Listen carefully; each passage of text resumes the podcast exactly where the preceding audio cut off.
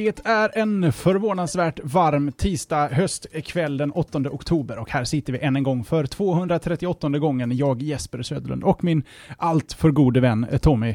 Eh, och ska snacka lite tekniknyheter i slashat.se, din machete i teknikdjungeln. Eh, tjena tjabba, hallå Tommy. Tjabba, tjena, hallå. Jo, hallå Jesper. Och alldeles för gode vän. Kan man vara för goda vänner? Ja, vi konstaterade ju försnacket där att jag har ju investerat i dig länge här som vän, att det började lite så rocky, men nu, nu börjar man bli Mac-användare så att eh, ni ser, det betalar sig. Vad är, är det som pågår här egentligen? Jag gav eh, Google, eller Google Chromecast lite, lite flack här i försnacket och nu är jag tydligen Mac-taliban. Det går snabbt utför. Ja, och nu ska vi på semester tillsammans här, så att Ja, men- eh, nu har vi verkligen tagit det till en ny nivå. Hålla hand och gå in i Berlins Apple-butik och köpa varsin iPhone. Fnittra som små flickor. Ja, det, det är kul att köpa teknik, eh, oavsett vilken teknik det är. Eh, teknik kan man få avnjuta tillsammans med oss Jesper, den 2 november. 2 november klockan är 19.00, kan det ha varit så? på Monks Café och Brewery. Eh, eller Café då och Brewery på Wallingatan 38 i El Stockholmo. Det är alltså, vi, vi promar lite här för våran meetup som nu har fått en, ett datum har haft länge, en tid och en plats. Monks Café and Brewery, Wallins, Wallinsgatan 38. Jag har ju också lovat här vid något tillfälle, varför har jag Stockholm. inte skrivit upp det i mina show notes? Det var ju väldigt uselt Tommy. Eh, Vad har du lovat? jag hade lovat eh, koordinater Ja, för den som vill knappa in det i sin mobil. Jag vet inte om jag angav det förra gången. Ja, jag får återkomma på den punkten, jag har slarvat bort. Jag tycker du ska göra Jesper. Och som vi sa där, det- det finns ju en topic i vårt forum där man kan eh, signa upp sig om man vill komma. Eh, Och som vi brukar säga då så är det, vi, vi har ett rum till förfogande med drygt 25 sittplatser Jesper. 20-25 sittplatser. Där Kanske? någonstans. Mm. Eh, Och är det så att det rummet blir fullt så ligger huvudbaren alldeles runt hörnet. Så man kan mingla runt och sådär. De har matmöjligheter och det går säkert bra att äta i det rummet vi ska vara i också. Men som vi brukar säga, kom gärna äten. Eller gör som du vill. Men vi kommer äta istället. För att eh, ha barhäng och ha, sitta och köta teknik och ha trevligt tillsammans med liksinnade nördar runt omkring vårt avlånga land. Eh, Och det är i Stockholm då, om inte det har framgått. Det är samma dag som GameX är, för oss i alla fall. Och vi kommer att vara på GameX. Och då har jag lite mininyhet där Jesper. Oh. Microsoft kommer att ha spelbara Xbox Ones på GameX. Mm.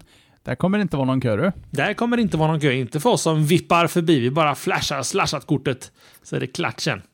Kommer inte kunna gå in. Jag tänker på förra årets Xbox, förlåt inte Xbox, eh, Wii U, en lite sådär svalt mottagen konsol. Eh, där var ju massa kö. Tänk då, eh, den här konsolen som faktiskt är önskvärd av folk. Det ska bli intressant att filma köer. Ja, som vi alltid gör på de här meetupsen, eller på de här eventen. Eh, Men som sagt var, vi finns ju tillgängliga om man vill eh, high-fivea. Eh, Hela crewn kommer vara iförda svarta slashat t-shirts. Och finns. uppmuntrar väl nästan att alla andra har Ja. slashat t-shirts också. Det är lite av munderingen kan man säga. Uniformen. In, inför våran World Takeover. Du har för övrigt hittat koordinaterna också till Valinsgatan 8 i Stockholm. Där eh, 59 grader nord, eh, ska vi säga, nej, nord eh, 59 grader 20 minuter 171 sekunder. Um, ursäkta om jag säger det här fel, men uh, East, öst, uh, 18 grader 3 minuter och 148 sekunder. Och där är enligt eh, WGS84, Mm. som vi inte blandar ihop dem med den, den där andra du vet. 85an ja. Den är lite Alltså, lurig. 85an, precis. Eh, ersätter också den gamla 83an. Ja, 83an, herregud. Vad kör du? Ja, ja, ja. 486 där borta eller? Jonasson är snabb här. Wallingatan 38 säger han. Någonstans har jag copy-pastat från fel ställe. Så eh, står ni Wallingatan 8 då är ni alltså 30 nummer av. Mm. Man kan också googla på Monks. Ja, det kan man göra. Vi ska inte dra ut på detta. Ni Nej, vet vad som vi gäller. Eh, Det är 2 november om drygt en månad då uppe i Stockholm. Hjärtligt välkomna. Och som vi sa, eh, gärna eh, nämn i topicen ifall ni kommer. Eh, Det kan vara bra att ha ett forumkonto. redo till det här eventet kan vi säga. Kan Eh, man säga. Kan man säga. Eventuellt, kanske. Vi får se. Kanske. Vi får se hur det går. Men du, om vi struntar i det en stund Tommy. Hopp, hopp, hopp. Vad är det du ska snacka om egentligen? Jag, och min gode vän, ska prata om eh, World of Warcrafts film. Har fått ett datum. Vi har datumet. Ni kommer få det alldeles strax. Adobe har åkt på pumpen av lite illsinnade hackare. FBI har satt Silk Road i pumpen. Kan man nog inte använda som uttryck, men ni förstår. FBI har slagit till mot Silk Road i Undernet. Eh, Nexus 5 känns väldigt ankommande. Eh, och sist men inte minst ska vi sjunga hipp hipp hurra för en femåring som fyllde fem alldeles, alldeles i dagarna här. Eller igår var det egentligen tekniskt sett. Eh, men mer om det då när det är min tur att prata, för nu är det Jeppes tur att prata. Mm, då ska vi prata om att eh, många mobiltillverkare har gått på pumpen när det gäller benchmarkings. Vi ska prata om att eh, ja, Facebook bjuder på wifi vid pumpen. Jag vet inte, Mm. jag tror jag lägger ner pumpen där för jag kommer inte kunna hålla där uppe. Vi ska också prata om Google och deras Chrome OS, det här eh, fatala eh, misslyckandet som de eh, försöker hitta en annan approach på att få in och eh, ja, smyga in bland konsumenter. Och så ska vi också prata lite om vad Microsoft eh, tycker att HTC ska göra och så ska vi kanske, kanske prata om en sak till. Ja, jag, jag håller på den. Ja, jag ser- det är lite notis mot slutet där, men jag tror att den är väldigt intressant i sista ämnet, så vi får nog nästan ta med den. Jag är nyfiken om inte annat. Mm, men då eh, säger vi ingenting nu så eh, liksom uppmuntrar ju folk att lyssna hela vägen. Vi har redan tagit sju minuter på oss på ett intro Tommy. Kan inte du bara dra igång den här eh, kvällen och jag kan ge dig startskottet här. Oh, vad fint. Jag ska bara, bara, bara, bara uppmana er att gå till bet.slashat.se siffran 25. bet.slashat.se siffran 25. För vi har en liten vadslagning här inom familjen. Kommer iPhone 5s C till Sverige innan julafton 2013? Just nu är det en övervägande majoritet som tror att den kommer komma officiellt till Sverige innan Kan vara lite önsketänkande också. Kan vara önsketänkande, men vi undrar nyfikna vad ni vill. Och så lite, lite också en nudd då till våran bet.slashat.se-sajt som är lite crowdsourcad här från våra lyssnare där man kan lägga bets, eller vi kan lägga bets som ni får rösta i. Så nummer 25. Kanske ska förklara vad skillnaden på dem och pollarna är, för pollarna rullar ändå från vecka Mm. till vecka och är eh, oftast eh, kopplade till showen eller till något ämne. Medan bets kan vara en sån, vi kontrollerar den kommer vara helt borta om fem år. Eh, den där kommer att släppas ikväll. Det är liksom en sån mer snabba puckar eller på lång sikt där vi egentligen hela grundar sig i den gången när Tommy sa att iPhone skulle vara utrotad av Android eh, helt och hållet om två år. Så var den inte det och så kunde vi liksom inte riktigt avgöra vad är definitionen av utrotad. Och någonstans så kände vi att vi skulle haft det liksom nerskrivet och på något sätt så föddes eh, utav en eh, lyssnare, Tommy hjälp mig, kan det vara ett eh, sten... eh, Stenehall. Stenehall som hjälpt oss och satt upp bet.slashat.se. Där kan det gå rappt och där kan det också gå långsamt, men där ska man definitivt ventilera vad man tror i de här konstiga frågorna vi hittar på. Your sir. Men nu tycker jag Jesper att vi går in på mitt första ämne. Tycker jag. Eh, Blood Diamond har eh, Shales Lavitt skrivit manus för. Regissören Duncan Jones har gjort semikända Moon och Source Code. Source Code är väl inte semikänd Jesper film? Den är väl ganska känd, Source Code. Ja, ja, ja. Sem, jo, semikänd. Det är ju inte en, eh, det är inte en eh, Sagan om ringen. Nej, det är det inte. Men Legendary Pictures, som är ett produktionsbolag som till exempel gjort Man of Steel och Batman-filmerna, eller i alla fall eh, Inception. Dark Knight och Inception, det är ett väldigt välkänd produktionsfirma. Vad har de här tre entiteterna tillsammans? Jo, de kommer den 18 december 2015 att släppa World of Warcraft-filmen. Är det den där när tusentals ungdomar sitter och eh, skärmspelar in eh, sig själva när de springer till anfall och så lägger de på musik? Eller är det här en lite högre profil? Det, det, hoppas på att det är lite, lite högre nivå de lägger det på här. Nej, det, det, är, ju- det, det är ju en spelfilm och den, eh, den kommer att ha premiär då drygt om två år helt enkelt.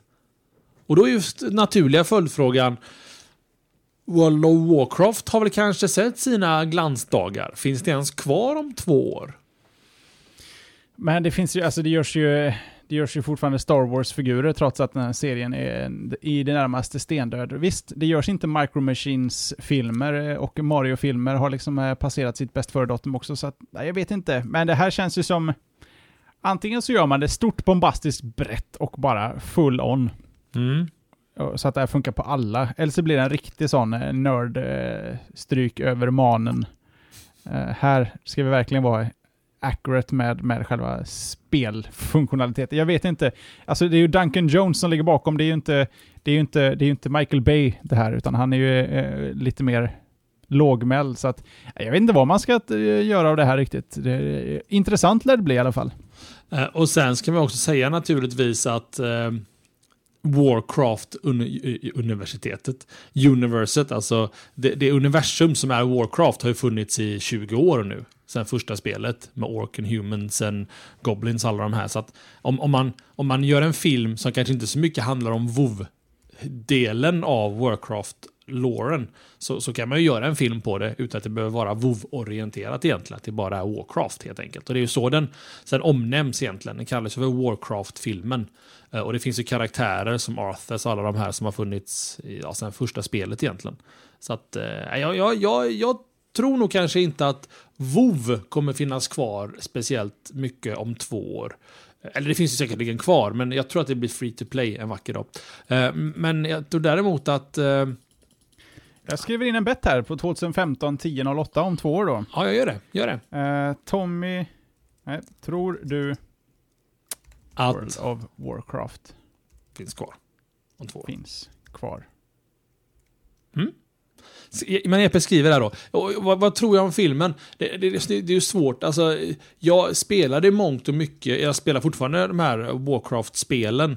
Både ettan, tvåan och trean och expansioner och sen World of Warcraft när det släpptes. Mycket för historien runt karaktärer och det, det, det är väldigt välskriven story rätt igenom och eh, en typ av fantasy som, som intresserar mig. Så att filmen kommer att intressera mig. Sen, sen så finns det ju alltid en kalkonvarningsrisk risk, men det känns ändå skönt att det är något... Blood Diamond, den filmen ligger jättehögt i kurs eh, hos mig och även Legendary Pictures. Eh, mycket av den, de filmerna de gör egentligen. Sen Duncan Jones har jag inte så mycket, jag har inte sett Source Code eller Moon, men det kanske kan vara bra som Jeppe var inne på att... att Moon in... är epic. Den är det? Ja, den är ja, bra. vansinnigt bra. Du kommer inte tycka om den, men den är jävligt bra. Och Source Code kommer du tycka bättre om, men eh, du kommer inte tycka att den är bra. Men, men, men jag menar, alltså, det, det kanske är bra att, man, att det inte är Michael Bay som gör den, som du var inne på det här. Att det, det, det, det, det kanske talar till, till filmens fördel då, att det kanske är lite mer genomtänkt regissör än kanske bara explosioner rätt igenom. För att det, det är inte mycket explosioner i World of Warcraft som sådant, om man säger så. Eller Warcraft. Nej.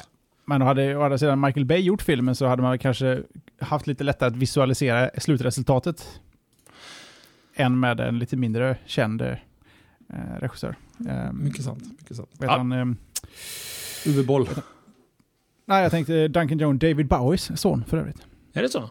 Amen. Där ser man. Bananskalat in kanske? Nej, jag kan inte säga. Han kanske går på meriter han också. legat sig bakom kameran. Ja, Nej, ja, det, det, det, ja, jag, vet inte, kan, jag tror pappa, pappa, eh, pappa Bowie kanske har öppnat dörrar om inte annat. Det skadar ju säkert inte. Nej, det tror jag inte. Där Men kom den Tommy. 18 december 2015. Jeppe, take it away. Moving On hälsar Jonasson och då är det... Fan, på första bara... ämnet fick vi Moving On.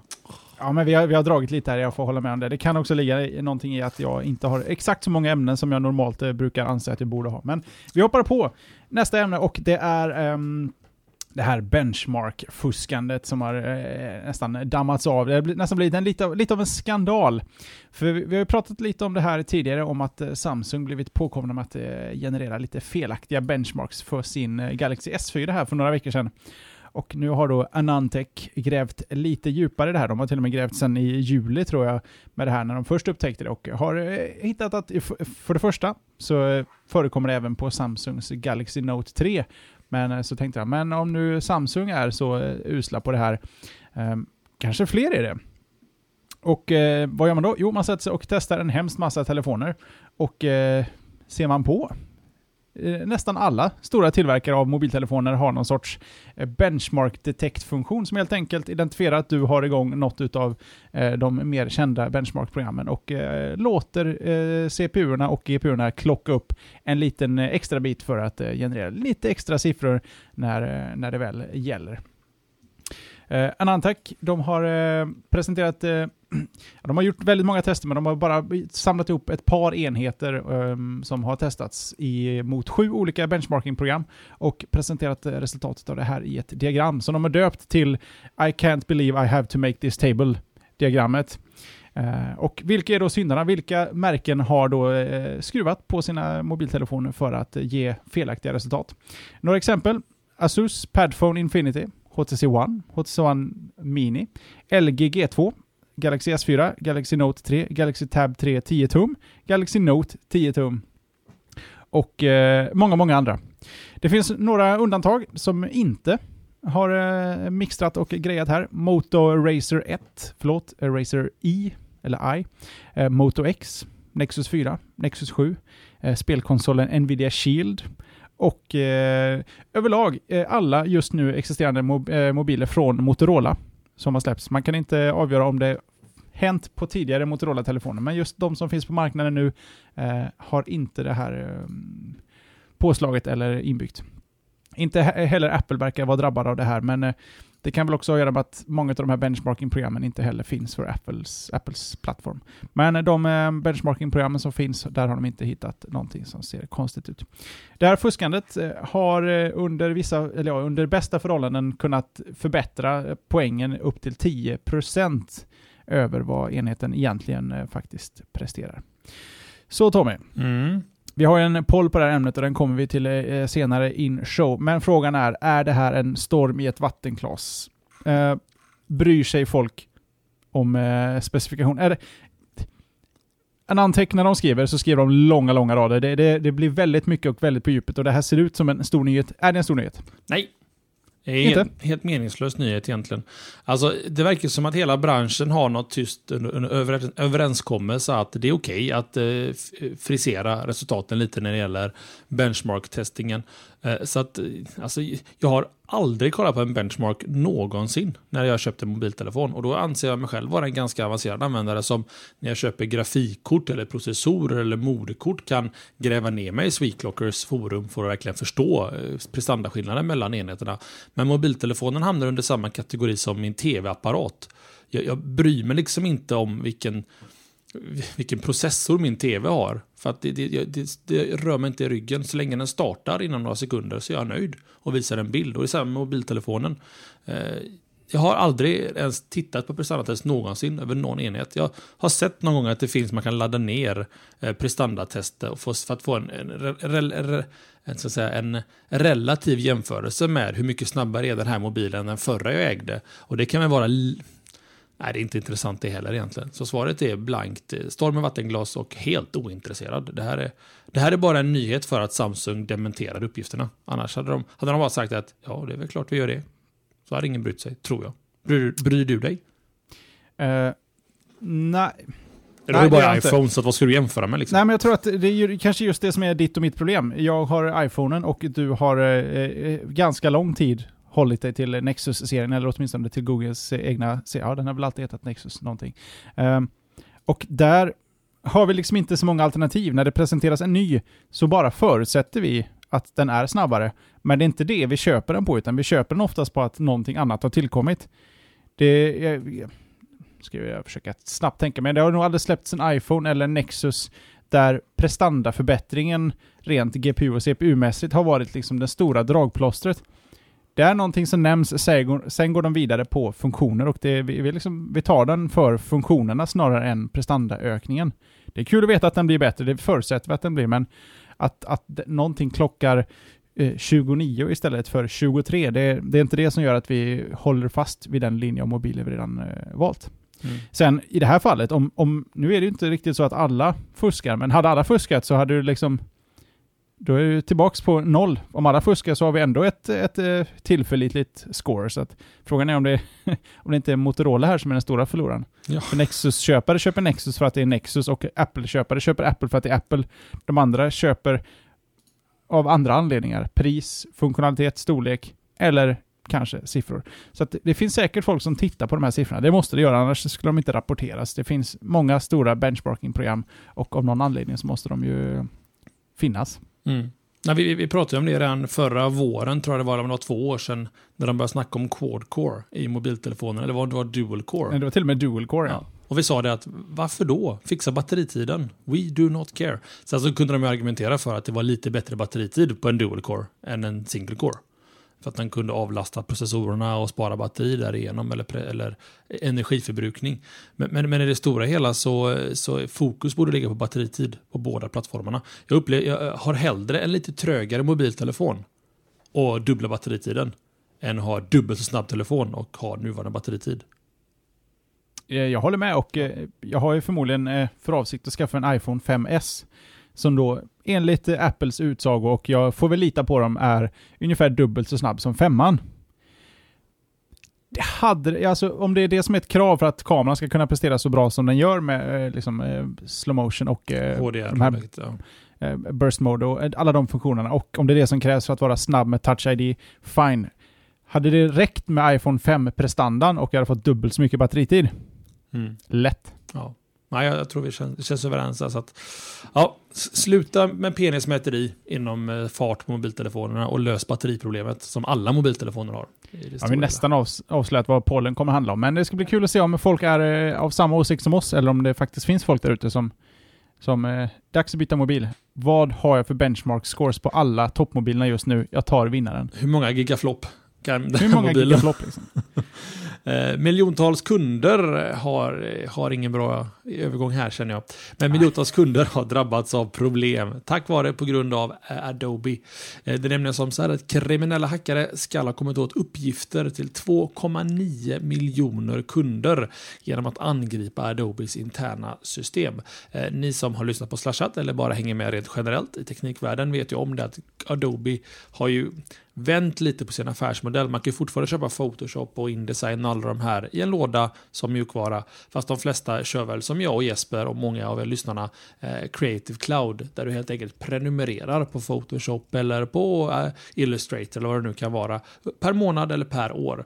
Eh, för att det här ska funka då så har ju de ett kreditkort sparat hos sig som de drar slantar från varje månad. Och förutom att hackarna kom över 2,9 miljoner kunduppgifter till privatpersoner och företag så har de även kommit över krypterade kredit och bankkortsuppgifter samt krypterade lösenord. Eh, det är skönt att ordet krypterad står med men det betyder egentligen ingenting eftersom de har offline access eller tillgång till de här datafilerna med siffror så, så, så finns det GPU-kluster runt om i världen som kan knäcka de flesta krypteringarna. Om det inte är fantastiskt hårt krypterat, vi vilket vi får hoppas på att det är. Jag hoppas att USA på samma sätt som Sverige har vissa krav när ett företag vill spara kontokortsuppgifter hos sig, att man har krav på kryptering och sånt där. Jag vet inte hur det ligger till med det, men det är väl egentligen inte det det var det läskigaste med det här EP. Utan visst, det är ju tråkigt att, att någon, någon hacker har en krypterad version av mitt kreditkortsnummer. Det, det är ju inte bra naturligtvis till mitt företag. Eh, men, men det som är värst och det som faktiskt nästan motvilligt erkändes från Adobe i slutändan. Det är att under samma attack så kom de över källkoden till Adobe Acrobat, Cold Fusion och Cold Fusion Builder. Och, att, och Acrobat som vi alla vet gör ju pdf-er. Och det är oftast Acrobat som de attackerar, eller Adobe Flash, eh, när de ska hacka maskiner egentligen. Så att, att det sitter illvilliga människor där ute och har källkoden till Adobe Acrobat är katastrof för internet som helhet egentligen. Att, för innan, när man pratar om zero day, att man, man hittar en, en, en kodningsbrist i eh, pdf-formatet till exempel, så gör man det genom att prova tiotusentals olika attackvektorer mot pdf-formatet. Eh, för att man vet ju inte hur det är kodat. Man vet ju inte om man har gjort något, något kodningsfel som gör en buffer overflow som det kallas för egentligen. Det är en typ av attack i alla fall. Men nu när man sitter här med källkoden och kan läsa rad för rad alla buggar som de har gjort i pdf-formatet, vilket det är massor säkert för att när man kodar så blir det buggar, så enkelt är det. Så, så de har alltså som en, vad ska man säga, som en, som en, som en karta och kompass över exakt vad de ska kunna attackera nästa gång. Eh, så att pdf kommer vara ett format Jeppe, du kanske inte vill bli blandade med överhuvudtaget framöver. Ja, vad härligt att jag arbetar med pdf. Det är min, min, min syssla så att säga. Eh, Eh, Nej, det, det, det, det här... Ska- ja. Ska vi vara snabba nu då? Ska vi lansera en sån? Am I affected by adobeleak.com och så be om användarnamn och eh, lösenordsuppgifter. Och för säkerhets skull ange också kortnummer så vi verkligen... Nu ser jag också att eh, precis nu, jag var inne och kikade lite snabbt, så har jag fått mitt återställigt lösenords eh, mail här. Det behöver inte betyda att jag är safe för det, men Jag har inte fått mitt än, vilket är intressant. Vilket är jättebra. Eh, ja, det är nog för att, inte förrän du loggar in på det. Ah, Okej, okay. för att och till det så har jag också med mina show notes här att alla de som har drabbats av den här hacken eller som har fått sina uppgifter stulna kommer att få ett mail från Adobe där man måste återställa sitt gamla lösenord. Fast det, det skyddar ju egentligen bara Adobe och deras tjänst, inte oss och våra kreditkort sådär jättemycket. Så att har ni ett kreditkort sparat inne i eh, eh, hade det sparat in i Creative Cloud så, så ha lite extra öga på ert, eh, era, era bank statements framöver så inte det har hamnat i fel händer. Och sen vet jag inte Jesper, eh, Adobe är Adobe, de, har, de, har, de bygger ju mjukvara som nästan hela webben och dataindustrin bygger på. Inte bara pdf utan även Photoshop och Illustrator och Indesign och vad det nu kan vara. Men eh, de kommer inte gå i konkurs för detta, men kan de hämta sig från en sån här grej Jesper? Ja, absolut. Eh, tveklöst skulle jag säga. Det här går liksom inte... Det här är ju vär, eh, De är helt dominanta på marknaden för eh, desktop publishing. Bland mycket annat. Naturligtvis, det kommer inte... Det här kommer vara överblåst jättesnabbt. Okej, okay, ja. Folk lär sig inte heller. Vi, när, kom, vilka var det som läckte stort senast? Evernote? Bortglömt. Mm. Sant. Och när du säger folk så menar du de som hanterar din data snarare kanske än folk som signar upp sig på Creative Cloud? Nej, folk som använder det. Men, folk, men... Alltså Adobe-användare är inte generellt jättetekniskt intresserade eller kunniga. Jag är det. Du är det.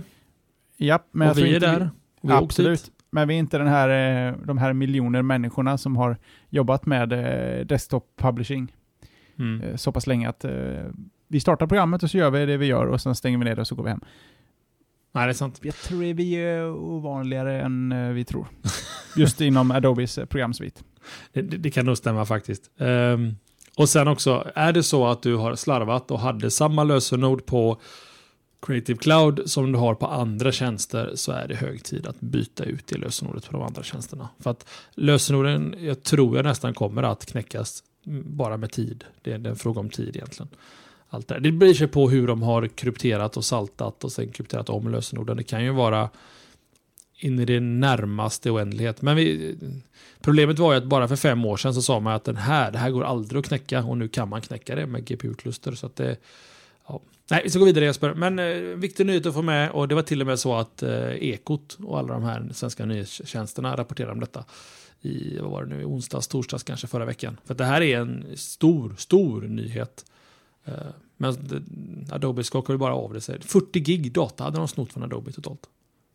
Finns lite att eh, bläddra i där så att säga. Ja, herregud. Och det värsta av allt var att de Adobes säkerhetspersonal ramlade över eh, hacket av en slump. Att de råkade hitta för att hackarna hade lagt upp 40 gig data i en mapp som de själva skulle kunna komma åt då på något vänster. Att de, en vad ska man säga, en gömma inne i Adobes egna nätverk. Och de snubblade över det. Och den här säkerhetskillen bara, hmm, vänta nu här. Så han gjorde en rapport och då började det uppdagas. Och då började de gräva i det själva. Och de bara, oh shit bananas, det här är ju inte bra. Så man vet ju inte hur länge de har haft tillgång till Adobes nät. Jag menar, man skulle kunna filosofera över, har de till och med wiresharkat från insidan och lyssnat på alla lösenord som har skickats och sånt där. Det finns mycket spännande. Men nu snart får vi en moving on här från chatten, Jeppe. Jag tycker att du tar nästa ämne. Du, jag hoppar omedelbums över mm. till eh, Facebook. Oj. De har, eh, ja, de har redan testat det här i liten skala, men nu har de bestämt sig för att eh, tillsammans med Cisco ta det här till nästa nivå. Och vad pratar jag om då? Jo, tillgång till fri wifi i butiker, restauranger och allmänna utrymmen i utbyte mot en ynka liten check-in från dig som kund. Tjänsten har i alla fall just nu lite så här halvsexiga namnet CMX for Facebook Wifi. Och eh, tanken är då att du, eh, du besöker en butik, hotell eller eh, ja, whatever. Du hoppar på nätverket, checkar in och, i, i Facebook och då släpps du ut på nätet. Och eh, Facebooks mål här är helt enkelt att förenkla, förenkla processen. Att, jag vet inte, många av oss har säkert varit någonstans där man måste, säga hotell, restaurang, café, vad som helst. Um, antingen så måste du via en webbsida söka för att få uppgifter skickade till dig. Du får surfa i 15 minuter. Är du på holländska flygplatsen Schiphol till exempel så får du tillgång till 30 minuter gratis två gånger. Inte i en stöt. Att det är massa sådana här konstiga, komplicerade saker som Facebook tror sig kunna lösa enkelt genom att mot priset av en check-in så får du fri wifi tillsammans med Cisco. Eh, Fri wifi är ju en sanning med modifikationer. Det här har ju naturligtvis ett pris och du betalar helt enkelt med din data. För butiken får tillgång till eh, saker som man får via insights. Du, de får ålder, de får kön, var du bor, vad du gillar och eh, vad du, vad du ogillar. Och eh, den här informationen kan ju naturligtvis vara värdefull för kunder i, eh, i fysiska butiker. Alltså, jag var på ett seminarium här i förra veckan där vi pratade om hur, hur man behandlar lojala kunder. Där de ställde en fråga om huruvida eh, Ehm, hur många som har gjort kundundersökningar eh, och sen hur många som har information om sina kunder. Fler har gjort kundundersökningar än vad folk har information om sina kunder, vilket betyder att du kan liksom inte knyta undersökningen till dina kunder. Och jag tyckte det lät lite konstigt, men jag kanske var så insnöad på att eh, jag jobbar med saker på nätet där du per automatik får information om kunder. Jag kan kliva in i vilken butik som helst, köpa en sak och ut. De vet ingenting om mig.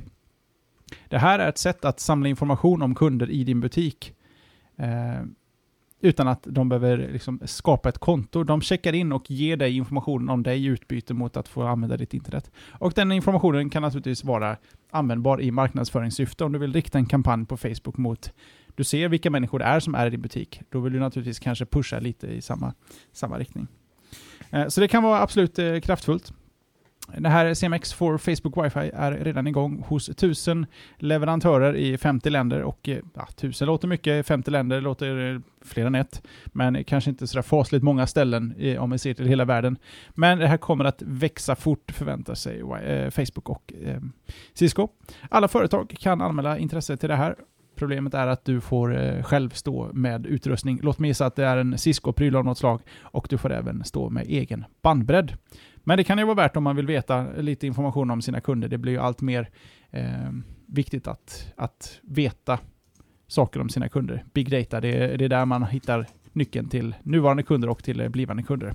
Eh, Tommy, mm. någonting säger att du skulle aldrig köpa free wifi för en check-in. Om det inte vore möjligtvis för att du kan alltid lita på Facebook snarare än eh, Herberts wifi Joe på någon konstig lite sunkhak nere i Båstad. Fast, fast ja, alltså Facebook litar jag väl på. Uh, och sen problemet är ju att du sa ju själv att företagen måste ju själva stå för utrustning och bandbredd. Och det är ju det är där problemet ligger. Alltså, Nej, alltså de, eh, de, de måste betala för utrustningen som krävs för det här. Ja, ja, det är klart. Så, att, så att Cisco och Facebook har ju liksom krav på vad det är för prylar du behöver, men du får köpa dem. Du får betala för dem själv så att säga. Ja, det, det förstår jag. Fast, alltså, jag, jag är inte rädd för, för varken hårdvaran eller Facebook eller checken. Jag är ju mer rädd för de som sitter på samma nätverk gratis och lyssna på trafik. Det är, det är ju de som är problemet. Vi pratar om det i chatten här samtidigt. Det är ju de illvilliga människorna som sätter sig i närheten av en flygplats eller på trafikerade torg och sånt där med en datatrafik och sätter upp en free wifi-router som folk får surfa via. Det, det är ju de som är problemet, som är på samma nätverk. Så Nej, jag har iPhone. Jag kommer knappt åt min egen data från enheten, så att det är ingen större risk att någon får tag på informationen utifrån enheten. Jag har ju inte ens filsystem på den här mobila enheten. Hur ska jag kunna bli hackad? Men det är genialt. Det är genialt. Om jag, inte, om jag inte har några filer går det liksom inte att sno något. Så enkelt ibland. eh, nej, så jag är ju sådär anal och alltid kör, eller alltid, så ofta jag kan, kör VPN-anslutningar till mitt hemmanätverk och routar ut via det när jag sitter på flygplatser och sånt där. Men visst, det finns ju tillfällen också där jag känner att jag inte orkar ta det steget heller. Eh, och det mesta man tittar på och, och kör idag är ju faktiskt SS, eh, HTTPS, eh, det vill säga LSSL, eh, liksom, säkrat. Problemet med VPN är att det är lite bökigt. När, om Touch ID är så bra som man vill hoppas, så man kan bara plocka hela rutten rätt in att håll lite extra på upplåsning så loggar den även in på VPNen. Sådana där schyssta saker. Det finns mycket man skulle kunna jobba med där, där man inte orkar sitta och knappa lösenord, hålla på med konton och eh, inställningar. Alltså en, schysst funktion som finns i Android i alla fall, jag vet inte om det är eh, Sense-specifikt för HTC, men jag har ett Enforce uh, VPN-val. Att den skickar ingen datatrafik förrän VPN-anslutningen är aktiv. Nice. Så att den, den kräver att VPN är igång. Bra, det... Så din känsliga data står liksom och studsar lite vid dörren ah, sådär innan. Ah, kom igen, öppna, öppna, öppna, öppna. Jag måste, jag måste. Och sen släpper den igenom. Klockrent. Ja, det, det, är faktiskt klockrent att, eh, att, att det finns en sån funktion. Jag tror tyvärr att det är HTC Sense. Jag har inte sett det på min Nexus 4 som jag inte ens vet vad jag har just nu. Men, men eh, den har jag inte sett det på utan det var kommer Sense då helt enkelt. Ehm, och sen om VPN-anslutningen dör så slutar den skicka data och stannar. Eh, så du inte får kompletta handshakes och annat spännande. Men eh, sen då, skit i säkerhetsaspekten. Det är väl en kul idé. Att man betalar med en check-in. Att man berättar för sina vänner att jag är här. Lite enkel gratis marknadsföring för eh, kafébutik, kaffeshoppen. Att man är där och så får man lite wifi tillbaka. Jag tycker det är en jättebra lösning. Jag hoppas att de har tänkt på säkerhetsaspekten, för då hade jag ju hellre tagit den här än de här hotellen som har skrivit ut en wifi-kod på eh, Åh, herregud. 8x på ett A4 och sen klippt för hand lite sådär eh, kackigt, så får du med en liten lapp du ska knappa in. Mm. Nej, då tar jag hellre det här. Eller så kan man själv sätta sig i det eh, hotellnätverket och titta runt lite. Annars kan man alltid roma en, en Premier League-match och sen eh, ta med sig räkningen på 300 000 till Aftonbladet och se ut och hänga läpp på en eh, sidan 3. Så får man den eh, räkningen struken. I alla fall om man är kändis. Man borde någon dag spoofa det där Jesper och fejka en räkning och gå till Aftonbladet så du och jag sitter där och ser jätteledsen ut för att vi har kollat på Gangnam style i åtta timmar. På, ett repeat. Ja, på skulle hotell. bara testa Chromecast, kan rubriken vara så. Ja, Googles Chromecast kostar oss 30 000 eller 300 000 kronor. Kan sätta in pengarna här. Ja, jag känner att vi kanske har någonting här Jesper, för nöjes skull. Men jag tycker idén är kul. Betala för gratis wifi med en incheckning, det kan man väl bjuda på liksom. Boom! Boom! Hedge. Där satte Jonasson den. Där kom den igen. Moving on. Här är de på oss. Vi vill ju bara sitta och Ah. prata och mysigt idag. Jag har ju till och med strukit ett ämne idag för att kunna liksom laja lite, men eh, nej, eh, Jonasson har en annan agenda för oss. Tommy, ta oss vidare. Som C-Strike säger eh, i chatten, såklart lyssnar vi på Slashat i åtta timmar på repeat. Säger vi till Aftonbladet. Så får ni reklam. Korrekturlyssnar alla avsnitt. Yes sir. Eh, Ska vi se här. Veckans forumtråd ska vi snabbt och lätt gå igenom här. Game On 2.0 heter tråden och finns i kategorin mjukvara och spel på vårt eminenta forum på forum.slashat.se. Vad är det då magnusjonasson.com har grävt fram i våran forumpåse? Jo, Game On 2.0 är namnet på världens största dataspelsutställning som i höst och vinter kommer till Sverige och Stockholm. Det är Interclaw i vårt forum som tipsar, på, tipsar om detta. Eh, utställningen låter dig provspela 100 spel, se gallerier med originalskisser, höra spelmusik och få bakgrundsinformation kring spelen. Vi snackar Pong, Space Invaders, Sims, World of Warcraft, men även riktiga klassiker som Tetris och Pac-Man trängs på nästan 600 kvadratmeter och det är bara några av titlarna som vi nämner här naturligtvis. Utöver detta så kan du även se en unik samling med konsoler och tillbehör, konceptbilder på konsoler och kanske lära dig lite mer om ljuddesign i spel. Eh, Game On 2.0 hittar du på Tekniska museet mellan 25 oktober och den 27 april nästa år. Så det är ingen Panasonic att springa dit. Eh, och besöker man Stockholm i samband med GameX, som ni kan träffa oss på, och mita på sånt där som ni redan vet, så kan det kanske vara värt ett besök då, tipsar Interclaw. Eh, Jonasson skriver själv här att eh, inte mycket till diskussionsunderlag, men ett förbaskat bra tips. Och det håller vi med om. Så vi bockar och bugar i synnerhet åt Interclaw, men även en liten nick, så här kompisnick till Jonasson, för att han är allround awesome bara. Det, det är du idag Magnus. Allround awesome. Med sin nya 27-tums iMac, som han nu kommer att prata lite om i eftersnacket Jesper. Mm, bastard. Bastard. Det är bara att köpa, tryck på knappen. Ja, det är så. Jag tänkte ju faktiskt att vi skulle ha gått på den här i samband med vår GameX-vistelse, men jag ser inte vad vi ska få plats med det här riktigt i, i, i vårt Nej. eh, skrala schema, men vi, jag vet att vi rör oss långsamt, så att eh, Ska vi hinna bara bubbelpool? det här ser ut som att eh, Retrospelsmässan har flyttat till Stockholm och varit öppet i mer eh, månader än dagar, så att säga. Mm, ja, det kan man säga. Vi kanske till och med får anledning att åka upp till Stockholm och bara gå på den här lilla tittelituten. Tid finns ju. Tid finns ju. Ja, 27 april är den slut. Eh, Det är säkert en liten entréavgift där, men med tanke på att det är eh, det är säkert mer ideellt än kommersiellt det här så borde det inte vara allt för dyrt i alla fall. Mitt tredje ämne för kvällen är också en sån här stor jobbig rackare. Så jag blåser igenom all text jag har skrivit eh, och sen så kan vi diskutera Jesper. Låter det som en plan. Bring Mm. it. FBI har slagit till mot Silk Road. Eh, Silk Road, vi börjar med att förklara vart Silk Road ligger. Nej, vi börjar förklara vad Silk Road är. Silk Road, som, som det låter, Silkesvägen. Det är alltså den vägen som gick från Asien förr i tiden när man åkte på kameler och sånt där och gick ut i Europa och mot västvärlden. När man helt enkelt eh, hade byteshandel med silke och annat fint från Orienten helt enkelt. Eh, Silk Road i version 2013 eller 2010 och framåt när den startades är av kanske mer illegal karaktär. Där är det en handelsplats för illegala droger. Eh, vi snackar ecstasy, metamfetamin, ingredienser för att göra det själv, handeldsvapen, automatkarbiner. Alltså, tänk er en svart marknad, eller black market, som ni hör om på James Bond-filmer. Eh, det finns. Och då tänker ni, silkroad.com, då har alla skrivit in det. Nej, där fanns inte sajten. För det är nämligen så att den ligger i det så kallade undernet, eh, deep web, eh, vad finns det mer för olika namn? Eh, darknet, massa olika namn på det här, eh, kanske inte alternativa internet, vi har pratat om det ganska mycket innan i Slashat, men via Tor routers eller Tor Onion routers så kan du alltså hoppa på ett hårt krypterat, helt anonymiserat alternativt internet. Där man har ett alternativt eh, sätt att hantera. Det finns ju liksom ingen, man skriver inte silkroad.com utan man skriver en väldigt lång hash egentligen på 64 karaktärer tror jag det är. Och då kommer man till en webbserver som ligger i undernet eller Deepweb. Eh, och, och, då kan man komma åt den datan. Så att ett, det är barrier to entry som det heter på amerikanska är ganska hög.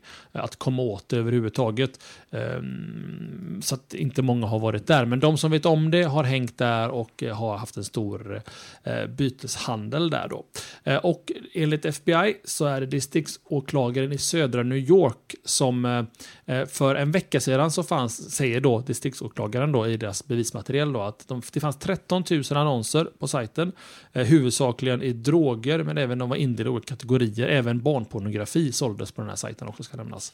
Eh, och hackerverktyg och tjänster runt om hacking. Att man kan helt enkelt eh, säga att hacka den här sajten eller ta bort den här sajten under julhandeln 2013. Huvudkonkurrenter då. Eh, men även alltså rena lönnmord. Att du betalar någon så skjuter någon en annan person på den här sajten. Det var inte helt ovanligt. Um, sedan november 2011 har FBI med så kallade undercover-agenter genomfört ungefär 100 olika köp via Silk Road. Bland annat då ecstasy, kokain, heroin, LSD, allt av citationstecken hög kvalitet har de köpt. Ehm, de har även köpt flertalet hackertjänster och skadlig mjukvara som du vet, lösenosknäckare och brute force testingsverktyg och liknande. Och även fjärrstyrningsprogram genom den här sajten. Sajten har närmare en, eller hade närmare en miljon registrerade användarkonton eh, och använde endast en digital valuta då, som heter enkelt bitcoin. Det har ni ju koll på själva, vad bitcoin är eh, som betalningsmedel. Och det funkade som så att du kunde sätta in, eller depo, deposit, 10 bitcoins eller 100 bitcoins eller vad man nu har. Och sen så kunde du använda de pengarna. Och det var ju som en mellanhand då. Tänk er Ebay eller Blocket. Eh, jag ska sälja metamfetamin till Jesper. Och då, då reserverar han 10 bitcoins för, om mina bitcoins redan ligger hos Silk Road. Och när, jag, när Jeppe säger att ja, jag har fått varorna och det stämde, då släpper de pengarna till mig som ville sälja. Taget ur kontext Jesper så låter detta väldigt konstigt vad vi håller på med i Slashat. Just nu. Ja, verkligen. Men ja, i alla fall. Eh, de, FBI uppskattar att det fanns, att Silk Road ungefär har omsatt 1,2 miljarder dollar fram tills idag. Om man räknar med dagens bitcoinvärde. Ägaren av Silk Road ska ha dragit in ungefär 80 miljoner dollar i förmedlingsavgifter. De tog en procent på varje försäljning här. Ägaren som drev den här sajten eh, gick under namnet Dread Dreaded, Dreaded ja, Pirate Roberts. Men han heter egentligen Ross William Ulbricht. Albrecht eh, och är 29 år gammal från eh, San Francisco tror jag. Eh, FBI lyckades få tag på honom helt enkelt genom att knyta honom till ett Gmail-konto och att den här Dreaded Pirate Roberts gjorde ett misstag på sajten Stack Overflow och råkade skriva ett inlägg i sitt, sitt vanliga username, eller med sin Gmail username och som han snabbt sen bytte om till Dreaded Pirate Roberts bara på några sekunder. Men FBI lyckades fånga det och sen kunde de börja nysta bakåt då att okej, okay, den här personen kan vara den här personen som har det här Gmail-kontot. Och så nystar de tillbaka hela vägen. Och grejen är som så här att Förutom då att all barnpornografi och allting så, så kan man ändå tycka att var han, så, var han så skyldig till ett brott egentligen? Förmedlingsbrott. Men det visar sig också att den här killen som hette, vad heter han nu igen, eh, Ross Williams. Han har beställt två lönnmord, den här killen. Han har också betalt eh, 30, 30, eller 300 000 kronor för att få sin gamla kollega mördad. Och det gjorde FBI så att de iscensatte det mordet helt enkelt för eh, den här eh, Ross William. Att de, de tog bilder på en fejkad dödad människa, för han, helst ville han ha video på när de torterade hans tidigare kollega. Uh, och, men det fick han inte, han fick stillbilder då, från, fejkade stillbilder från FBI. Det här kan bli en film Jesper. Um, och då svarade han det blir det nog. Och då svarar han också att, eh, att eh, vad bra, nu är jag nöjd, han är död, du får dina pengar nu för att du har dödat den här personen åt mig. Och han hade även beställt ett mord till på en annan och den här personen är tyvärr försvunnen och det vet inte FBI var den personen är någonstans. Så den personen kan ju faktiskt bli lönnmördad på riktigt då. Eh, på grund av den här mannen. Um, Sen så kan man också diskutera lite hur, eh, hur bitcoin kan drabbas av detta. Om det var 1,2 miljarder dollar i omsättning via bitcoin-valutan. Så räknar man med att bitcoin kan ta en rejäl smäll av att Silk Road har försvunnit. Eh, och strax efter, ja, strax efter detta hände så började många sälja av sitt bitcoin-innehav och priset på en bitcoin sjönk ungefär med 15% men ser ut att stabiliseras då efter detta. Eh, skitmycket information, men det känns som en sån här intressant nyhet att läsa i sin helhet och diskutera nu i efterhand. Eh, men men du, har, du, har inte, du, har, du har aldrig varit i Darknet Deep Web, va? Ja, men, det här är ju jätteintressant och jag tycker det är lite kul äh, att läsa om. Det här är ju som en, en film utspelad på nätet som jag inte besöker. Ja, men det, det är menar, så. Man, man, tycker man har sett det mesta av nätet och man tycker att man eh, ser all, mer än, än nog genom att bara slå av Safe Search och eh, ta något sånt lite ambiguöst ord och så ser man vad som händer. Men det finns ju betydligt djupare och mörkare ställen och äh, jag är inte förvånad. Men äh, de börjar bli väldigt organiserade de här som vill dölja sig från, äh, från ja, verkligheten är väl fel ord, men... Fast eh. det, det, som är konstigast här, det är ju att om jag nu skulle sälja metamfetamin till dig Jesper, mm. hur får... Jag, jag fattar ju det digitala i det, den virtuella valutan, Sajten, betalningen tycker jag inte är problemet heller. Men hur, hur får du dem ner i din ficka? Yes. Har man en postbox? Ja, alltså bara att få saker över en gräns känns idag svårt. Ja. Den digitala setupen, den går alltid att lösa. Mer ja. eller mindre. Men det, det är liksom det förflyttandet som känns besvärligt. Det, där, där borde du falla. Jag tänker, tänker Kanske mig... därför vi inte är drug overlords också. Ja. Hade vi löst den här frågan så, så hade vi naturligtvis inte suttit här. eller så hade vi haft betydligt eh, mer guld i munnen. Jag vet inte. För, för det handlar ju bara om det Jesper. Det är logistikfrågan. Det är logistikfrågan. hade jag bara löst den nöten, vet du, då jäklar. Då hade jag skeppat... Nej, det hade ja. jag inte. Nej, jag vet inte. Naturligtvis. Drugs are bad. Ja, Drugs Staying School. absolut. Även om jag skämtar lite om det. Eh, Staying School, ja. Eh, men eh, fortfarande eh, otroligt intressant historia. Och eh, alltså jag ska inte rekommendera folk att hänga i Deep Web och Undernet, men det är en intressant eh, undre värld som kan vara lätt att besöka. Eh, om man, man, är nyfiken. Ni får googla er själva till. Jag kommer inte ha Tommys guider Deep Web Tours här på något sätt. Men ni, ni är smarta nog. Lyssnar ni på den här tjänsten, tjänsten Jesper? Podcasten heter det ju, det är ingen tjänst detta. detta är en, ja, vi kan kalla det en tjänst. Samhällsrättighet. Jag tycker eh, det här är en samhällstjänst. Eh, tycker jag också. Det blir ett långt är det ämne. samhällstjänst? Nej, det är en annan term. Det är ett straff va? Samhällstjänst som nu beskriver, googla på Deep Web Tor och så kan ni komma igång där. Men var också väldigt, väldigt, väldigt försiktiga där nere. Det blir ju så att eh, det, det, är inte många klick bort till barnporr och då har ni begått ett fruktansvärt brott. Så att, eh, var, var, tänk vad ni håller på med. Var smarta människor. Tänk alltså, efter före. Ja, eller skit i det helt och hållet och häng på eh, uppernet och light web. Stäng av safe search om du vill vara lite wild and crazy och, och håll det där liksom. Lite recreational bad boy. Ja, verkligen. Eh, och intressant har vi inte fått någon moving on än, även för jag har på snart, snart 15 minuter av detta ämnet. Då är det dags. Då är det Ska dags. vi slå eh, Jonasson eh, på fingrarna här och säga att mm. eh, Jonasson, du är alldeles för långsam. We're moving on. Eller för intressant. Ja. Mm. Du, Tommy. Mm. Mm. Google. Ja. Det är och deras Chrome OS som inte vi... Eh, jag har inte förstått mig på, du har väl typ inte förstått dig på det. Du har försökt försvara, försvara Nej, har du ens försökt försvara det? Nej, okej. Okay. de de har ju insett att eh, det kanske går lite si och så för Chrome OS. Vi vet ju inte riktigt vad Chrome OS ska vara bra till, eh, även om Google har försökt förklara det för oss eh, vid åtskilliga eh, tillfällen. Men nu verkar det som att de har hittat en liten annan approach på, på, eh, på den fronten. Och eh, har nästan sakta men säkert smugit in Chrome OS i Windows.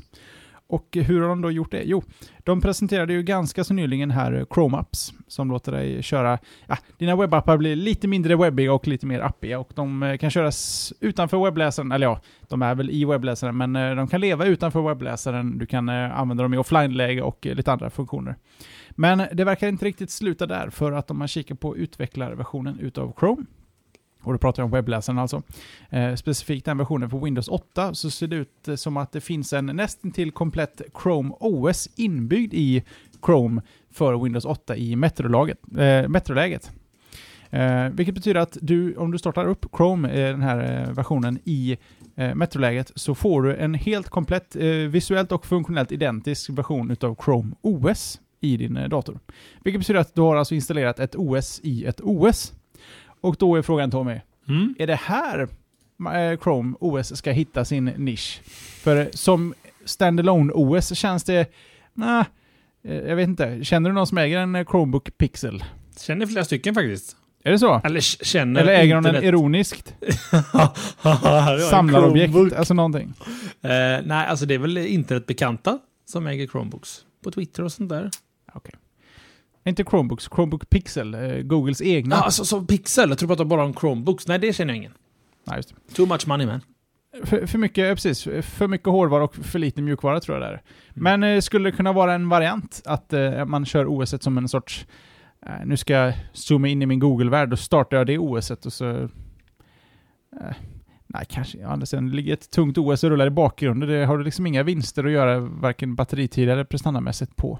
Det skulle väl kanske vara lite Zen-mode om inte annat. Att, Ap oh, absolut. Mm. att du, du, du har inte Skype, du har ingenting annat igång och inga spelmöjligheter. Nu, nu sitter du i webbläsaren och skriver ett dokument. Klart, det är ju inte långt till eh, fornlämningsknapp T eller Control T på Windows och öppna en ny tab och sen gå till en annan sajt och tappa Zen-mode. Och helt plötsligt så har du dina 28 tabbar med eh, saker som blinkar, YouTube-videos som spelar och hangouts som står och boppar nere i hörnet. Ja. Ja, nej. Ja, vi får se. Det är, det är, som sagt, det är bara i utvecklarversionen utav Chrome för Windows 8. Vi får se vad de gör av den där Chrome OS. Ta oss eh, vidare Tommy, för guds skull. Yes sir, vi ska tala om lite mer lättsmälta nyheter och det är att Android Police under lördagen eh, publicerade en 128, 100, 281. jag vet inte Nej, det är vad- en sajt, det är inte en, det är inte en, eh, en, inte en laginstans så att säga. Ja, just det. Korrekt. Mm. Det, det, det, det, det, är inte, det är inte lagens långa arm inom Android-världen, utan det är Android App, Police. app, app, app, nu har du inte installerat punkt 0, punkt 5. Jag kan inte för jag kör Samsung. Ja, okej. Ah, ja, mm. Klassiker. ja, I alla fall, den här sajten publicerar en, en 281 sidor lång servicemanual för, håll i hatten, LG Nexus FUMF 5 5. Gå. Ja, massa olika, femmor i alla fall. Eh, internt döps till LG D821. Det är bilder, specifikationer och andra tekniska delar som bekräftar många av de tidigare spekulation, spekulationerna runt den här enheten. Eh, Vi ska snabbt Svårt att bortförklara. Alltså, om det, är- alltså det är lättare kan jag tycka att fejka en sån här grej att göra jättesnygga renderingar. Men sätter någon sig ner och lite ironiskt eller lite på skoj eller lite, lite illvilligt skriven 281 sidor lång servicemanual om en fejkad enhet.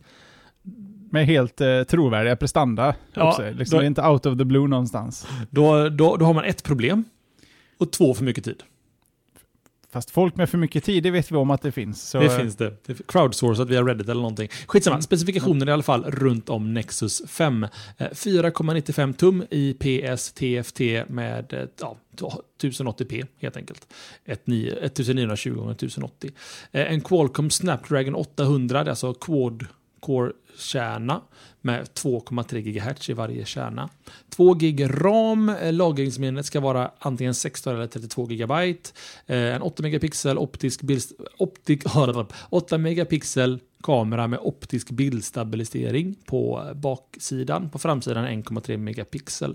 Batteriet ska vara förhållandevis fattiga 2300 milliampere.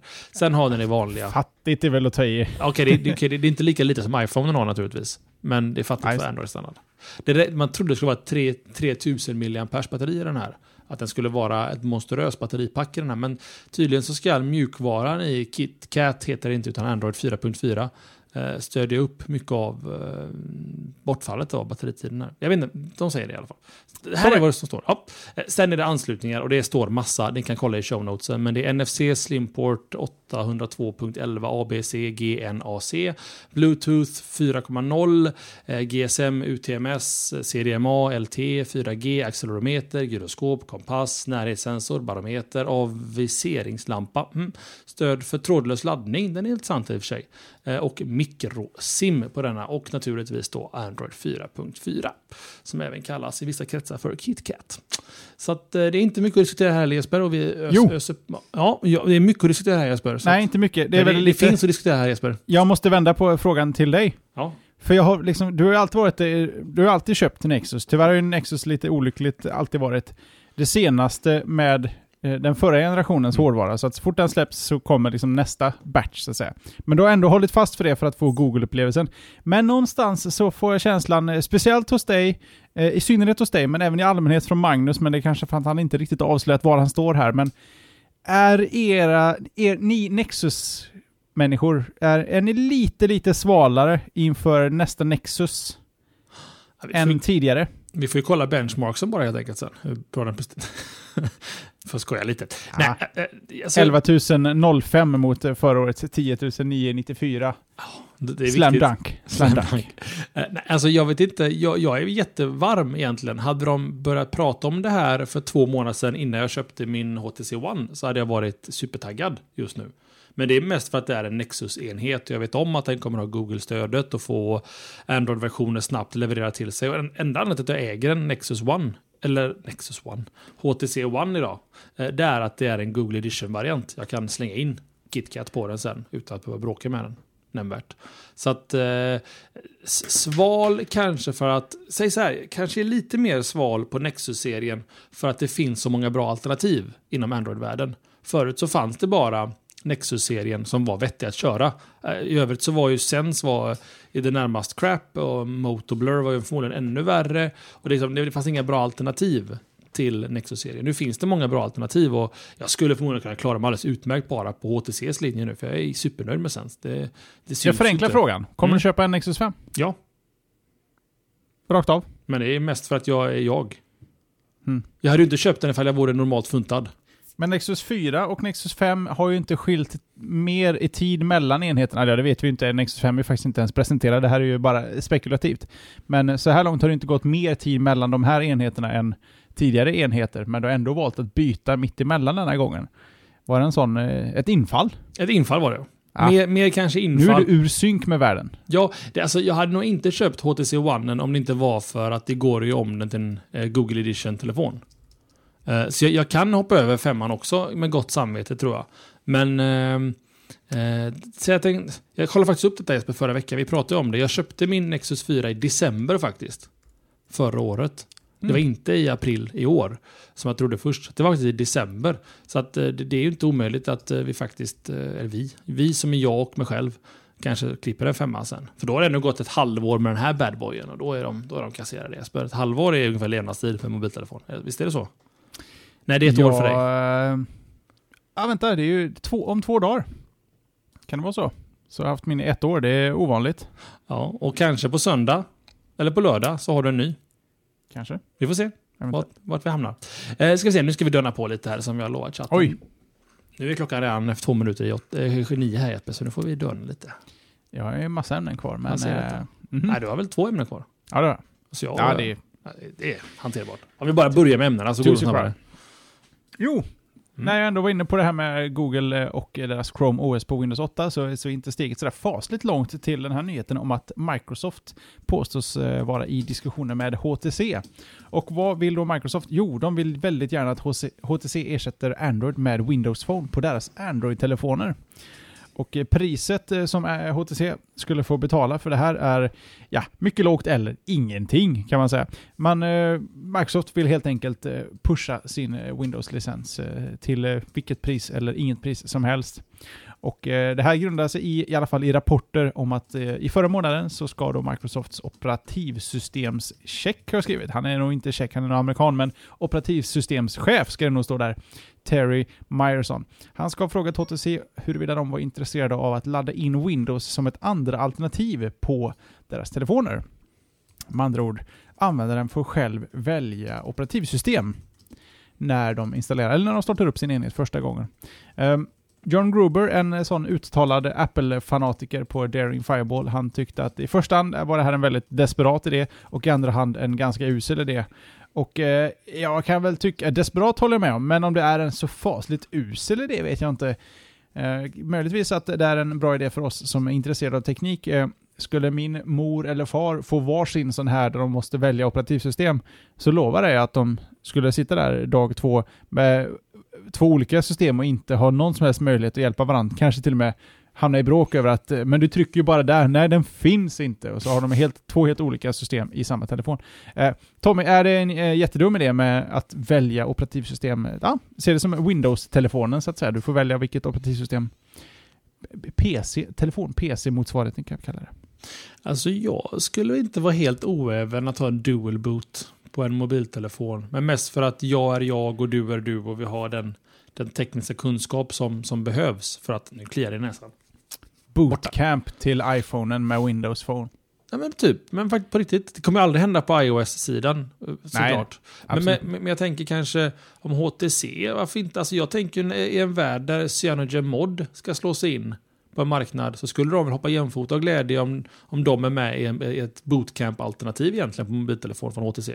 Mm. Att när du startar upp den, välj vilken vill du köra. Ja, nu vill jag köra Android, stock. Nej, nu vill jag köra eh, uh, Cyanogen Mod. Eller nu vill jag bara ha en, en specifik eh, ROM som är superoptimerad bara för att kolla på video till exempel. Eller bara för att, eh, jag vet inte vad man skulle kunna ha den till, någonting annat. Så jag tror absolut på att ha flera, att det inte det är inte en avlägsen framtid. Speciellt inte när vi pratar om specifikationer som quad-core och 2 gig ram och hela den biten i den nya Nexus 5. Att, varför inte ha fler operativsystem? Det finns väl ingenting som hindrar det egentligen. Och kanske till och med eh, Firefox Mobile kanske är superbra att surfa på. Så hoppar man över till den eller... Tänk dig, tänk dig att bygga en ROM som är helt inkognito. Uh, nu dödar jag i och för sig min egen business här med inbrowser, app.com. Uh, eh, men, men, jag tänker liksom att tänk, tänk att bota om enheten och få superinkognito. Att den är helt anonymiserad när du är i den, det modet. Och gör det du vill göra inkognito och sen bota tillbaka till det vanliga kanske ett långt steg att gå för många. Kanske bara hellre öppnar in-browser-app. Det är men, för de som också är bekanta med Tor. Ja, men Tor. Ja, men också Tor-grejen. Att man kanske har ett, en ROM som, ba, som bara routar ut via Tor. Och så kan man göra det som man behöver göra på Silk Road, eller vad det nu är, och sen tillbaka. Jag... Eh, nej, jag, jag, jag gillar jag gillar det. Jag, jag, jag är inte alls oäven, faktiskt. Inte usel. Så, hur, hur, tycker du själv om du tänker att Apple skulle göra världens största ändring i hela sitt, sin filosofi? Skulle du dualboota Android på din iPhone? Alltså av, rent, av ren nyfikenhet hade jag tyckt att det hade varit roligt. Men jag ser ingen praktisk användning, inte i det här fallet. Det finns bara en enda anledning till att, att Bootcamp finns på Mac och det är att Windows är så pass stort. Det finns programvaror till Windows som folk äger. Um, Windows Phone har liksom inte riktigt det greppet om mobilmarknaden att det skulle på något sätt vara värt att erbjuda den tjänsten att dualboota eh, till eh, Windows. Och eh, absolut, inte till, till, absolut inte till Android heller för den delen. Men eh, det hade varit skoj, men det finns liksom ingen praktisk tillämpning för man har inte valt iPhonen av samma anledning som man väljer en Android. Nej, Eller annat. Nej, jag kan köpa den, de argumenten med. Sen kan man också tänka att, som jag var inne på lite där, att man ska nog inte tänka en dual boot som ett komplett operativ. Man kanske tänker som en väldigt, väldigt slim eller strömlinjeformad eh, eh ROM för ett specifikt syfte. Eh, till exempel en gaming-ROM som du har som optimerar minnet för att kunna spela Angry Birds så vettigt som möjligt utan att telefonen kan ringa samtidigt och störa dig till exempel. Eller vad det nu kan vara. Jag, eh, tänk, tänk dig vad Steambox kan vara på en dual-bootad Windows-PC i framtiden, eller SteamOS. Till exempel. Det känns som en given. Jag, ger en, jag lägger en eh, bet.slashat.se på, på dualboot. Eh. Mm. Gör det. Nummer 27 kommer det bli för övrigt, för er som hänger med där. Och medan Jeppe gör det så ska jag gå in på mitt sista ämne för kvällen. Det är som jag sa lite hipp hipp hurra för våra vänner borta på Spotify som idag fyller fem år. Och det kan man direkt känna, antingen så kan man känna att fem år, har det gått så lång tid? Men jag känner fem år, har det inte gått längre tid? Det känns som de har funnits hur länge som helst, de här grabbarna eh, och tjejerna. Eller kanske att det är till och med kort tid. Man vet inte, man kan tycka vad man vill här. Men fem år i alla fall. För det var den 7 oktober 2008 som Spotify lanserades för allmänheten. Ehm, och i mars 2013 rapporterade man då att man hade över 24 miljoner användare på tjänsten helt enkelt. Sådär ja. Ehm, jag kör Spotify, Jeppe kör Spotify, många av er kör Spotify också. Ehm, det finns många alternativ, men någonstans så hamnar man på Spotify Jeppe. För att de var först kanske? Först går störst. Ja, men lite så. De, de, de etablerade hela idén med streamad musik på något vänster. Jag tror vi, vi båda hade dabblat runt lite med att ha datorer igång hemma som körde shoutcast så man kunde lyssna på några låtar som man hade hemma på jobbet och sånt där. Men det var aldrig någon bra lösning utan de, de, de levererade en bra teknisk plattform eh, och bra innehåll. Det finns väldigt få grejer jag saknar på Spotify. Eh, och det lilla jag saknar, jag kör, ju, jag kör ju Clementine Player, inte Spotifys egna spelare. Men det lilla jag saknar har jag i mitt Ubuntu Cloud eller på Dropbox och synkar in i Clementine och, och får det ganska eh, vad ska man säga, eh, väl, väl synkat tillsammans. Jag kan spela några låtar från Groove Shark, några låtar från Spotify, några låtar från min egen samling, vart jag än är i världen. Och det, det, det är alltid löst för min del. Men, men backbonet, eller grundfunktionen, det är Spotify. Och ibland hoppar jag över till Spotifys egna app och kör lite radio faktiskt. Nu på senare tid Jesper. Mm. Så var det med det. Sitter och kollar lite Spotify-statistik. Jag är ju ändå medlem i STIM. Jag försöker få lite de är inte duktiga på att ange antal spelningar, men eh, ersättningen går upp i alla fall. Ja, för att jag... jag nu är den jag, uppe i, i över hundratals kronor, inte ören som för bara några år sedan. För det är intressant faktiskt. Jag har skrivit med det här i mina show notes, men tänkte inte ta upp det, men att du själv tog upp det. För igår på Rapport så tog de upp, eller om det var Aktuellt eller vad det nu var, så tog de upp just att Spotify var fem år gammalt. Eh, och då var det någon representant för, inte musikindustrin, utan för musikbranschen, alltså någon som inte har ett direkt ekonomiskt intresse i att eh, skivbolag ska tjäna mycket pengar, som sa just det att, att artister får ut mer pengar idag från Spotify. Helt enkelt för att fler användare väljer att betala för tjänsten. Och ju fler som betalar, ju mer betalas ut till, till eh, artisterna. Eh, men det är en logisk matematik. Slänger alla in 100 spänn var. Och han sa också i den här killen i intervjun att det intressanta är att ganska få människor av de som betalar 1200 per år hade betalt 1200 spänn i att köpa skivor. Eh, att man på något sätt eh, betalar för bekvämligheten och har Spotify helt enkelt och den tillgång som finns då i musik. Så att eh, det har även gått upp för ESP. Det handlar om 100 kronor nu alltså. Nu sa jag hundratals, det var inte meningen. Över 100. Eh, 117 kronor och 29 öre. Mot, oj, oj, oj. Jag tror att för två år sedan så fick jag ut var det 3 kronor och 69 öre eller något sånt där. Men det känns som du bjuder på meetupen. För de 107 kronorna. Uppenbar. Upp, uppenbar för 107 kronor. Det Men då får ni banne med sätta alla mina låtar på repeat på Spotify fram tills dess.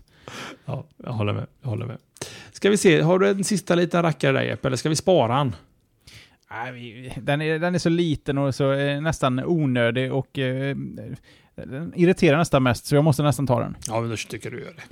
Och det går ju nästan också i, i linje med att vi pratade väldigt mycket Steam i förra veckan och i förra, förra veckan. Eh, med tanke på deras eh, Valves presentationer inom, eh, inom Steam-plattformen genom eh, Steam Machines och eh, sin handkontroll. lite ditt och datt. Men det finns det här området som Valve inte riktigt har fokuserat på på sista tiden och det är Half-Life. Vi pratade om det, sen släppte vi det. Det har skojats lite om Half-Life och folk, fans har blivit lite så att det har nästan blivit en eh, meme av, av att Eh, Eh, av att Half-Life 3 är confirmed. Det räcker med att eh, någon slår ihop siffror från något annat och så blir det, slutar det bara på 3 så är Half-Life confirmed.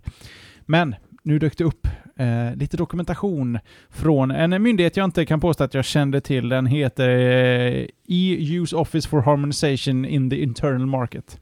Där man på något sätt registrerar ett varumärke. Och där registrerade Valve ett varumärkesskydd av Half-Life 3 för Europa.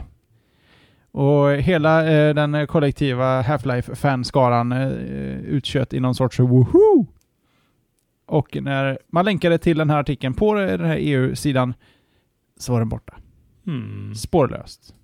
Folk tror att det var en scam. Någon har bluffat och eh, skickat in en ansökan. Någon har gått igenom eh, väldigt mycket trubbel för att få det här att se ut som det finns en Half-Life 3. Så kan vara Ultimate Hoax luras. Sen är vi väl båda överens om att det är nära dags att Valve slutar och eh, ja, slutar upp och vara så eh, dicky och eh, gör en Half-Life 3 till oss. Det, det, kommer ju komma tids nog, men jag tror fokus inom det företaget just nu ligger eh, snarare kanske på Steam och Steam OS och annat. Tyvärr. Men jag vill ju spela spelet innan jag blir pensionär. Ja, det, det, är inte säkert att du får det. Jo, men det kommer ah. du få. Det kan jag nästan lova. Eh, vad ni däremot får, inte får mer utav, det är mer ämnen, för nu är det slut med den pucken. Nu ska vi prata forumtrådar och jag kan bjuda eh, härskapet på förra veckans forumtråd. Som forumtråd, nu får du gärna revidera. För, vill ni höra förra veckans forumtråd? Det kan vara har intressant. Har du den där? Nej, jag har den inte där. Jag håller... Det är kul att se hur den har utvecklats över tid. Ja, exakt. Hon har röstat några mer gånger. Nej, varför jag drar ut på det mest är för att jag inte får fram shownotesen just nu. Kan du ta förra veckans poll? Förra veckans poll, ja, det var ju den när vi ville kontrollera om vi verkligen sänder på rätt tid. Eh, någonting som egentligen eh, grundade sig i att Tommy, Tommy ställde en lite försynt fråga till mig. Sänder vi på rätt tid? Mm. Jag sa ja, självklart. Eventuellt. Och tänkte, ja men det kanske i, i Slash att vi har ändå en, en, en fråga-outlet. Nu har vi två med våran bet-sajt, men vi har våran poll där vi ställer frågor av det här slaget och eh, ibland så är det ju relaterat till showen och inte direkt till ämnen. Då fick ni frågan, när skulle du föredra att Slashat live startar på tisdagar? Och eh, för att vara tydliga då så var det live starttiden vi ville veta. Så vi har även fått med, med försnack, som då gäller en halvtimme innan. 29 procent, alltså eh, tre av tio nästan av våra lyssnare, tycker att vi sänder på helt rätt tid redan. 20.00 med försnack från 19.30. Eh, inte så fasligt långt ner till andra platsen. 24 procent, alltså var fjärde lyssnare, tycker att vi ska sända live från 18 och framåt. Med andra ord, eh, försnack från 17.30. Sen har vi 14 procent på att sända klockan 7 med försnack från halv sju. 13% att vi ska sända nio med försnack från halv nio. Och sen har vi 10% på att sända halv åtta med försnack från sju. Och 8% att sända halv nio med försnack från åtta. Och en eh, liten ynka 2 procentare tycker att vi ska börja halv sju med försnack klockan eh, sex. Så Tommy, det här, mm. jag, jag svarar själv först här. Det slutade som jag trodde. Folk, är, folk har gjort som du och jag. De har öppnat sitt schema för klockan åtta tisdagar. De som lyssnar live i alla fall. De har förberett för att kunna vara här vid den här tiden. Så att ingen, man ska inte ändra på sånt som, eh, som funkar. Sen verkar det vara en förvånansvärt stor skara som ändå tycker att 18.00 är en mycket bättre tid. Ja, det var ju nära att den faktiskt var uppe och nafsade på att komma etta. Så att eh, 25% mm. av alla våra lyssnare skulle vilja ha startat tidigare på dagen. Mm. Kvällen. Mm. Medan 30% är nöjda ju värt att ta i beaktande. Det är det absolut. Det, det, Problemet det, här är väl att de kan ju åka hem från arbetet eller skolan, sätta sig ner, eh, värma lite mat och sen sätta sig och lyssna på oss. Vi ja, blir ju tvungna att bara åka rätt från arbetsplatsen och sen sätta oss hungriga och eh, törstiga och prata oss ända fram till middag vid tio snåret. Det är ju inte humant. Det, det, är inte humant faktiskt. Jag tror 20.00 är det sweet spot faktiskt. Och det var lite därför vi, som du sa innan, där, vi valde den tiden. Det känns, det känns som man hinner, hinner lägga barnen, eh, äta middag med familjen, kolla lite tv, kolla nyheterna halv åtta och sen kommer man upp vid åtta och då börjar showen. Eh, så att, eh, jag tror att 20.00 är nog skrivet i sten ett tag framöver i alla fall. Vi, om man ska slå ihop lite alternativ här så kan man också säga att 38% tycker att vi sänder för sent kan vara värt att ha med sig. det ska man i och för sig kunna, kunna säga också. Man skulle ha ett mellanting där, kanske börja halv... Vi ska inte ändra någonting, man är inte oroliga för något. Om vi skulle ändra så kommer vi ge er gott och väl med heads up. Det var Men bara folk i chatten som ångrar sig här också. Det, det, det är bra, så att... Eh, ja. Statistiken är redan mot. Mm. Ja, det är by default. Ska vi se, veckans bollar emot. Eh, frågeställningen lyder som följer. Hur stor roll spelar benchmarks inom parentes prestandatester i val av mobiltelefon? Spelar stor roll, spelar liten roll och spelar ingen roll alls. Eh, det är egentligen för att känna av lite vad ni tycker. Nu vet ni vad jag och Jeppe tycker om benchmarking i mobiltelefonvärlden. Men vad tycker du? Tittar du på eh, oändligt med eh, pie charts och grafiska eh, Staplar, de där staplarna. Man måste ha den med längst stapel. Eller korta stapel där det står “shorter is better”. De shorter, brukar jag titta på. Shorter is better. Det är shorter is better. Eh, showtitel kan jag nästan tycka. Ja, varför inte? Eh, så att, eh, nej men och där någonstans tycker jag vi kan börja slå igen butiken. Vi kan ju ännu en gång då, alltså det, det känns bara nej, meningslöst. Jag har pushat för andra ja. nu kom, om du missar datumet eller tiden så får du skylla dig själv. Spola till början av det här avsnittet. Vi pratar väldigt mycket om det i början. Men vi kan ju tipsa om den här länken som ingen känner till, slashat.se social, för länkar till alla våra sociala engagemang i övrigt. Och eh, donera kan man alltid göra på slashat.se donera om man nu vill donera en, en liten summa, en stor summa, en summa med jämna mellanrum så har vi även den varianten. Och eh, vi får också naturligtvis passa på och tacka till Eh, tack alla lyssnare som har donerat eh, hela vägen ända fram till nu. You Rock. Forum.slashat.se, där snackar vi resten av veckan och löser problem och säljer och köper prylar som aldrig förr. Det är kul att se sån aktivitet i forumet. Eh, tycker man att ljudversionen av oss är mycket sämre än videoversionen så finns vi också alltid på slashat.tv. Och det avsnittet är väl nästan alltid uppe ungefär samtidigt som ljudversionen. Så lyssnar du på det här i efterhand så finns faktiskt videoversionen. Det kan vara bra att veta den dagen Tommy säger att ha, nu gjorde Tommy sådär, eller Jesper en sån där rolig gest där. Då det är bara att notera tiden i eran eh, spelare, hoppa till eh, slashet.tv, spola fram och se hur roligt vi nu kan tänkas ha när vi sitter här med fasta kameror på fasta platser, likadant år ut, år in, och gör roliga gester. Jag vet inte. Sen ska jag väl också nämna i förbifarten där att vi är medvetna om att YouTube-videosen är eh, badly ur synk mot slutet. Det är ett problem som vi tror reparerar sig själv i, vid köp av ny hårdvara, vilket är nära förestående. Så att... Eh, det är bäst att det löser sig nu.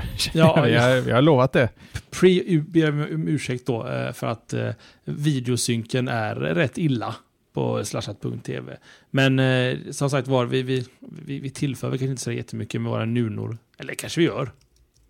Vi försöker ju ändå kommunicera och titta på varandra och tota lite. Kanske också en poll att ha en vacker dag med, om folk bryr sig om videon. För att den, eh, den bidrar till mer... Eh, den kostar prestanda i inspelningsledet, eh, eh så att säga. Så är det min gode vän. Men vi får prata om det igen nästa vecka. För nu ska Jeppe klippa och jag ska underhålla eftersnacket här. Och Jonasson ska vi släppa in här på ett oh, hörn. Han ska, nice. han ska prata lite om iMac 27-tums, den, den nya 2013-modellen. Men med det säger vi tack och bock och buk och vi hörs igen nästa vecka. Ha det gott! Ha det bra!